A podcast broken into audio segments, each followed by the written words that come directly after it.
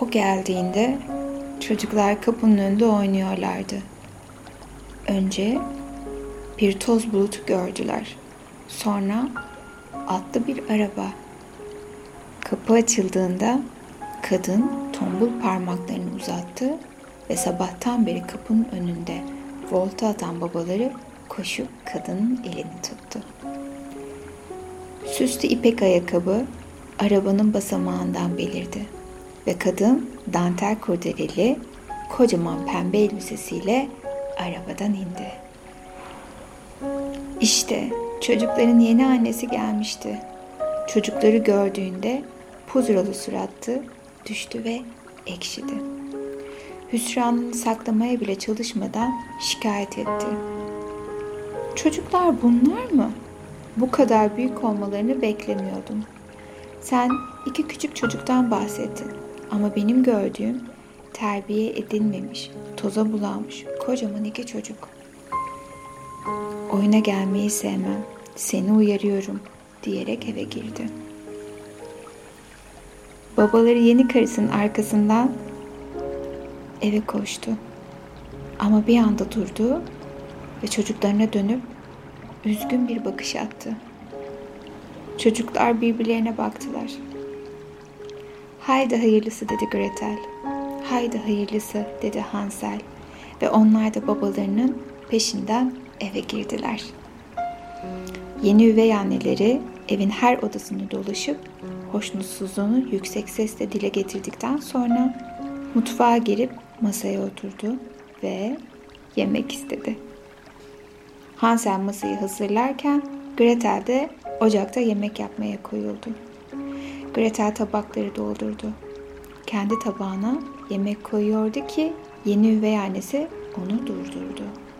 Hop hop tatlım bu sence biraz fazla değil mi? Sen minicik bir şeysin. Bir çocuk bu kadar yemek yer mi? Haydi yemeğin yarısını tencereye geri koy. Kimse aç gözlü bir çocuk istemez. Gretel şaşkınlıkla babasına baktı. Babası içinden her an bir şey fırlamasını bekliyormuş gibi tabağına bakıyordu. Böylece Gretel yemeğinin yarısını tencereye geri boşaltıp ilk defa yatağına aç gitti. Ve bu sadece ilk gündü. İşler gün geçtikçe kötüleşti. Üvey anneleri evden çıkmalarına izin vermeyip onları bütün gün evi temizletti. Akşamları su gibi bir kase çorba ve kağıt gibi incecik bir dilim ekmekten başka hiçbir şey vermeden onları yatağa gönderdi. Her geçen gün daha fazla şikayet etti ve her geçen gün çocuklar daha da aç yatağa gittiler. Bir akşam Hansel bir kulağını yatak odasının zeminine yapıştırıp aşağıdaki konuşmayı dinlerken üvey annesinin alışıldık şikayetlerinin yanı sıra kış için yeterli yemek olmamasıyla birlikte bazı şeyleri değiştirmeleri gerektiğini söyledi. Ve bunlarla ilgili birkaç şey daha söylerken Hansel kulaklarına inanamıyordu. Üvey anneleri büsbütün farklı bir şey söylüyor ve öneriyordu. Bu çocukları sabah akşam beslemeye devam edersek açlıktan öleceğiz. İnan bana ben de onları senin kadar seviyorum. Ama biz açlıktan ölürsek onlara kim bakar? Hepimizin birden ölmesinin bir anlamı yok ve hepimize yetecek kadar yemeğimiz de yok. Keşke başka bir yolu olsaydı. Ama benim görebildiğim yegane çözüm onları ormana götürüp orada bırakma. Hansel babasının bu fikre karşı çıkmasını bekledi. Kızmasını, bağırmasını ya da en azından şaşkınlığını belirtmesini. Ama babasından ne bir ses ne de cevap geldi. Hansel yanlış anlamış olabileceğini umarak kız kardeşine duyduklarını anlattı ve ağlamaya başladı. Yalnız başımıza karanlık bir ormanda ne yapacağız? Üzülme dedi Gretel. Birlikte olduğumuz sürece asla kaybolmayız.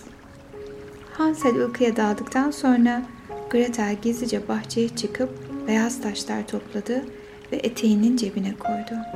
Sabahleyin mutfak sıcak ekmek kokusu ve babalarının ormana gidecekleri için duyduğu yalancı hevesle doluydu. İtinayla mükellef bir kahvaltı hazırlanmıştı. Kocaman ekmek dilimleri, ballı sıcaklı süt. Yiyin çocuklar, yiyin. Ormanda üşümenizi istemeyiz. Sessizce yediler ve babalarıyla ormana gittiler.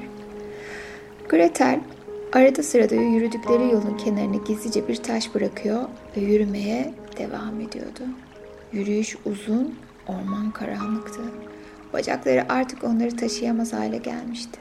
Babaları odun kesip mantar toplarken dinlenmeleri için onlara da bir ağacın altında yapraklardan yumuşacık bir yatak yaptı. Ve işi bittiğinde onları uyandırıp eve götüreceğine söz verdi. Ona inandılar mı? Hayır. Ama inanmak istediler. Orası kesin. Gece ormanın karanlığı eklendi. Uyandıklarında soğuk ormanda tek başlarına olduklarını biliyorlardı. Hansel ağlamak üzereydi ki ama kız kardeşi onu teselli etti.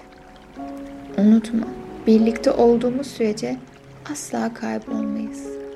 Hansel'in elini tuttu ve beraberce ay ışığında parlayan beyaz taşları takip ettiler. Günün ilk ışıklarıyla eve ulaştılar. Babalarını sönmeye yüz tutmuş ateşin önünde buldular. Adam arkasını döndü. Ağlamaktan kızarmış gözleri çocuklarını görünce fal taşı gibi açıldı. Kollarını açtı ve onları sıkıca kucakladı. Yavrularım, canlarım, sizi sonsuza dek kaybettiğimi düşündüm. Çok mutluyum. Birkaç hafta boyunca çok güzelleşmişti her şey. Onlara öncekinden de daha çok yemek veriliyor ve babaları hiçbir eksiklerin olmamasına dikkat ediyordu. Ama o yıl kış bitmek bilmez ve acımasızdı. Hava günden güne soğumaya devam ettikçe üvey anneleri endişe ve şikayet ayinlerini sürdürdü. Her gece Hansel aşağıdaki konuşmaları dinlemek için kulağını odanın tahta zeminine koyuyordu. Ve bir gece beklediği şeyi duydu. Üvey annelerinin karanlık planlarının dönüşü. Başka bir yol düşünemiyorum. Ben de senin kadar üzgünüm. Çocukları seviyorum ama hayat zor. Mantıklı düşünmek lazım ve şu anda mantık onları ormanda bırakmamız gerektiğini söylüyor. Kendini de gördün. Bir öncekinde oldukça becerikliydiler. Muhtemelen ormanda kendi başlarının çaresine bakacaklardır.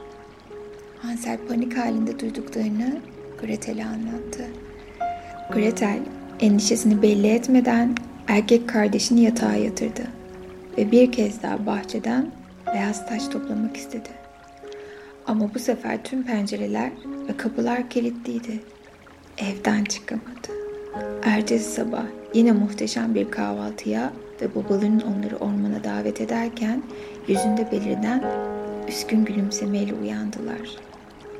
Babaları ikisine de yol için yarımşar ekmek verdi. Bu defa Gretel yanında taş olmadığından iz bırakmak için parçalarını kullandı. Yorulduklarında babaları odun kesmek ve mantar toplamak üzere giderken bir ağacın altında bıraktı ve iki kardeş bir kez daha karanlık ormanda yalnız uyandılar. Gretel erkek kardeşinin elini tutarak geldikleri yolda bıraktığı ekmek parçalarını aradı. Ama kuşlar gelmiş ve tek bir kırıntı bile kalmamıştı.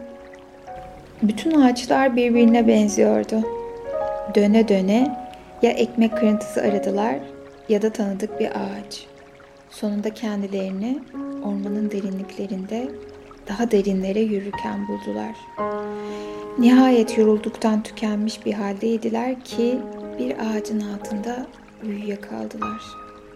Sabahleyin ışık ağaçların arasından süzülürken uyanıp etrafı keşfe koyuldular. Uydukları yere çok da uzakta olmayan küçücük bir ev gördüler. Bacasında duman tutuyordu. Güzel kokuyordu. Evet, çok güzel kokuyordu. Ekmek ve kurabiye gibi. Evin yanına yaklaştıklarında duvarların üzümlü ekmekten yapıldığını fark ettiler. Çatı karamelden, pencereler saf şekerdendi.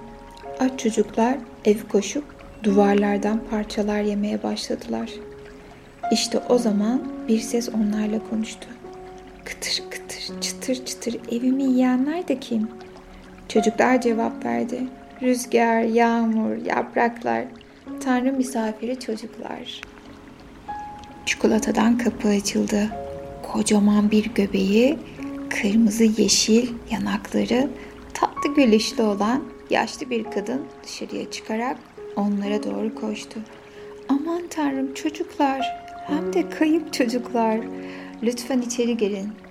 Gelin de sizi doyurayım. Ne kadar da tatlı tatlı çocuklarsınız. Çocuklar birbirlerine bakıp rahatladılar. Anneleri gittiğinden beri ne bu kadar şefkatli bir ses, ne de bu kadar güzel bir davet, ne de mutfaktan gelen bu kadar güzel bir koku duyulmamışlardı. Teşekkür edip içeriye girdiler. Eve girer girmez kapı arkalarından kapandı. O zaman evin içi ile dışının ne kadar farklı olduğunu anladılar. Dev bir fırının içinde cayır cayır yanan bir ateş vardı. Bu kadar büyük bir fırına neden ihtiyaç duyulur ki diye merak etmeye, birbirleriyle fısıldamaya başladılar. Ve fırsat bile bulamadan yerlerde yüzlerce kemik görünce fırının üzümlü çörek, çikolata pasta pişirip onlar için kullanılmadığını anladılar. Koca karı çocukları yakalarından tutup usta bir hareketle bacaklarını yokladı. Çok cılızsınız. Sizi fırına atsam eriyip gidersiniz. Bana da yiyecek hiçbir şey kalmaz. Birkaç haftada sizi şişmanlatmalıyım ve bunun yolunu biliyorum ben.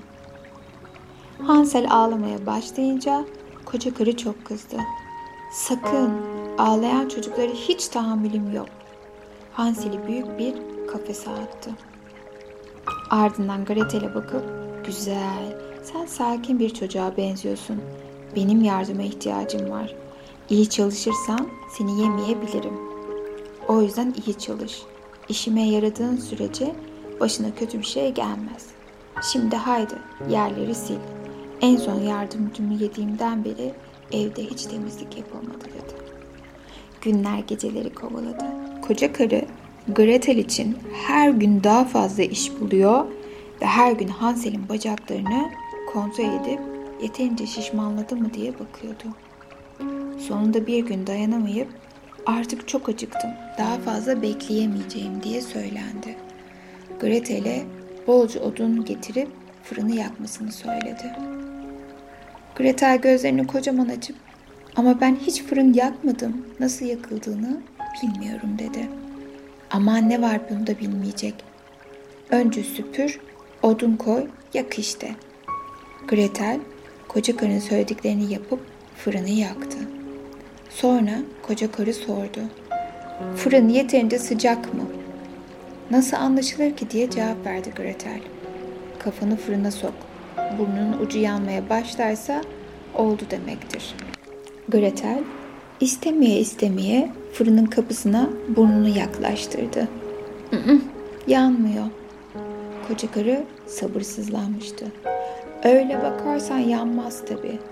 Uzaktan değil, böyle içine girip bakacaksın diyerek ona göstermek için fırına yaklaşıp başını içeriye soktu. Fırsatı bekleyen Gretel güçlü kollarıyla koca karının bacaklarından tutup onu fırının içine attı ve fırının kapağını kapattı. Oh, hemen koşup Hansel'i kafesten çıkarttı. Birlikte bütün evin altını üstüne getirip koca karın hazinesini ve her zaman doğru yolu gösteren bir pusula buldular. Pusulanın yardımıyla ormandan çıkıp eve döndüler. Onları gören babaları gözlerine inanamadı. Endişe ve üzüntüden bütün saçları beyazlamıştı. Koşup çocuklarına sarıldı. Hansel ve Gretel babalarının artık yalnız yaşadığını fark edip şaşırdılar. Üvey annelerin nereye gittiğini sormadılar bile. Babaları da hiç bahsetmedi.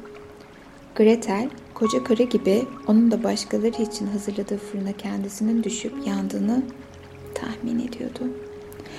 O günden sonra koca karının evinden getirdikleri hazine ile ferah içinde yaşadılar. Hayatın yolu uzundur. Hansel ile Gretel bazen aydınlık, bazen karanlık yerlere götürdü hayat. Ama nereye götürürse götürsün onlar yürümeye devam ettiler. Ne de olsa artık biliyorlardı ki esasen hayat yolunda kimse gerçekten kaybolmaz. Peki bu güzel masal bize ne mi anlattı? Doğduğumuzdan beri hepimizin korktuğu şeyler vardır. Hansel ve Gretel masalının da dünya çapında hala bu kadar anlatılmasının sebebi bence en temel beş korkumuzu ele alıyor olması. Terk edilmek, kıtlık, kaybolmak, bilinmezlik ve bir şey tarafından yenmek. Bu korkular bize doğuştan yüklenmiştir. Tuvalete gitmek için çocuğunu bir an yalnız bırakıp onun feryatlarını duyan her anne terk edilmenin bizdeki içgüdüsel korkusunu iyi bilir. Eğer çocukların en büyük pasta dilimini tartışmalarına şahit olduysan o zaman kıtlığı içgüdüsel olarak korkusunu bilirsin. Ebeveynler çocuklarını kıtlıktan korkmalarına gerek olmadığını uzun uzun anlatabilir. Ama çocuklar açlığı hiç tanımamış olanlar bile endişelenecektir. Çünkü kıtlık korkusu her birimizin içine doğuştan işlenmiştir. Bu yersiz bir korku da değil. Ürkütücü gerçek şu ki hepimiz hayatımızda bunlarla yüzleşeceğiz. Kim var ki asla terk edilmeyen, bir arkadaş ya da bir sevgili tarafından bırakılmayan? Kim var ki hiç kıtlık yaşamamış?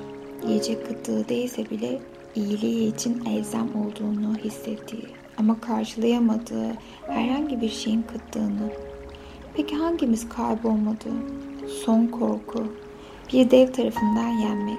İlk bakışta daha az tanıdık gelebilir. Ama bize mecazen bir başkası tarafından yutulduğumuzdan bahsederler. Bu aileler, çiftler, dostlar arasında olur. Hatta çalıştığın bir şirket bile seni yutabilir. Bir gün uyanırsın ve fark edersin ki artık bağımsız biri değilsin. Başka birinin ya da bir grubun parçası olmuşsun. Eskiden yediklerini yemiyorsun, gardırobun bambaşka olmuş. Eskiden hiç futbol seyretmeyen sen artık fanatik olmuşsun. Eskiden yalnızlığın tadını çıkaran sen artık işteki ekip arkadaşlarının peşinde mekandan mekana sürükleniyorsun. O kadar değişmiş ve işgal altındasın ki onlarsız yaşayamadığın zamanlar neler yapmaktan hoşlandığını bile hatırlamıyorsun. Masal dilinde yutuldun aslında. Hansel ve Gretel masalı bize en derin korkularımızla buluşmamız için bir gezintiye çıkarıyor. Bu masalda korkularımızla tek değil, çift karakter olarak yüzleşiyoruz. İki farklı tepki, iki farklı baş etme mekanizması. İkisi de bizde mevcut. Yoksun, sahipsiz, aldatılmış, aç, esir olduğunda ya Hansel ya da Gretel gibi davranabilirsin. Aslında içindeki bu ses dikkat çekmeye çalışıyor ve kendi arasında yarışıyor. Daimi kurban Hansel isyan ediyor. Neden? Neden? Neden bu benim başıma geliyor? Ben iyi bir insanım. Bunu hak etmiyorum. Onunki pasif bir karakter. Çözüm ya da kurtuluş aramıyor. Kendini kurbanın kafesine kilitlemeye bırakıyor. Kendini kurtaramaz. Peki ya Gretel? O aklını kullanıyor ve çözüm yollarını arıyor. Taşları topluyor. Toplayacak taş yok mu? O zaman ekmeğini kullanıyor. Peki kaybolduğunda yolunu arıyor. Cadının evinde işe yarıyor. Özgürlüğünü elinde tutuyor. Savaşıyor. İhtiyacı olan şeyi arıyor ve buluyor. Eve dönüş yolunu buluyor. Zeki, cesaretli ve metanetli. Sen de öylesin. İyi insanların başına kötü şeyler gelir. Bunu kabul etmelisin. Herkesin başına gelir. Soru bunlarla yüzleşirken kim olacaksın? Hansel mi? Gretel mi? Hansel korkunun kendisine paralize etmesine ve kafese kapatmasına izin verirken Gretel yoluna çıkan zorlukları büyümesine yardım eden fırsatlar olarak değerlendirip tehlikenin içinden çıkma yolunu buluyor ve rahata ulaşıyor. Hadi sen de hayatındaki kafesinden çık. Bazı cümleler bizi imkansızlıklar kafesine kapatırken diğerleri özgürleştiriyor. Kafesin içinde hayal et kendini, başaramayan, hayatın koyduğu engellerin üstesinden gelemeyen bir kurban gibi hissettiren cümleler düşün. Hangi cümleler enerjini alıyor? Bunlar bu kafese kilitli halde dursun. Sonra o kafesin dışına sana ne kadar güçlü, bilge ve metanetli olduğunu hatırlatan cümleler düşün. Kendini Hansel'e benzettiğinde hayat imtihanının korkusuyla kurbanın kafesine kapattığında cümlelerine bak ve yüksek sesle özgürleştiren cümlelerini oku ve o kafesin aslında küçüldüğünü ve yok olduğunu fark edeceksin. Çünkü aslında Hansel de Gretel de sensin. Kim olacağına sen karar ver. Ve en iyi yolun kendi özgürlüğün için mücadele etmek, cesurca adımlar atmak olduğunu kabul et. Bir şeyi yemek, o şeyle bütünleşmenin bir yoludur. Onun yaşam gücünü kullanarak kendininkini beslemektir. Bugün ihtiyaç duyduğun bir şeyin formunda kurabiyeler yapıp aç bir dev gibi ye ki öylesin. Çünkü ihtiyaçların var. İlk basamak kendini neye ihtiyaç duyduğunu sormaktır. Eğer kendini güçten düşmüş hissediyorsan ve azıcık ekstra enerjiye ihtiyacın varsa güneş formunda kurabiyeler pişir. Dinlenip hayal kurarak vakit geçirmek istiyorsan ay formunda kurabiyeler ye. Peki, seni daha güçlü kılsın diye özelliklerini almak istediğin hayvanların formunda kurabiyeler yapıp yesen, ihtiyaçlarını ortaya koymana izin ver ve yaratıcı bir yol bul. Sonunda korktuğun şey başına geldiğinde içindeki pasif kurbanla cesaretli tuttuğunu koparan sen arasında bir diyalog olacak.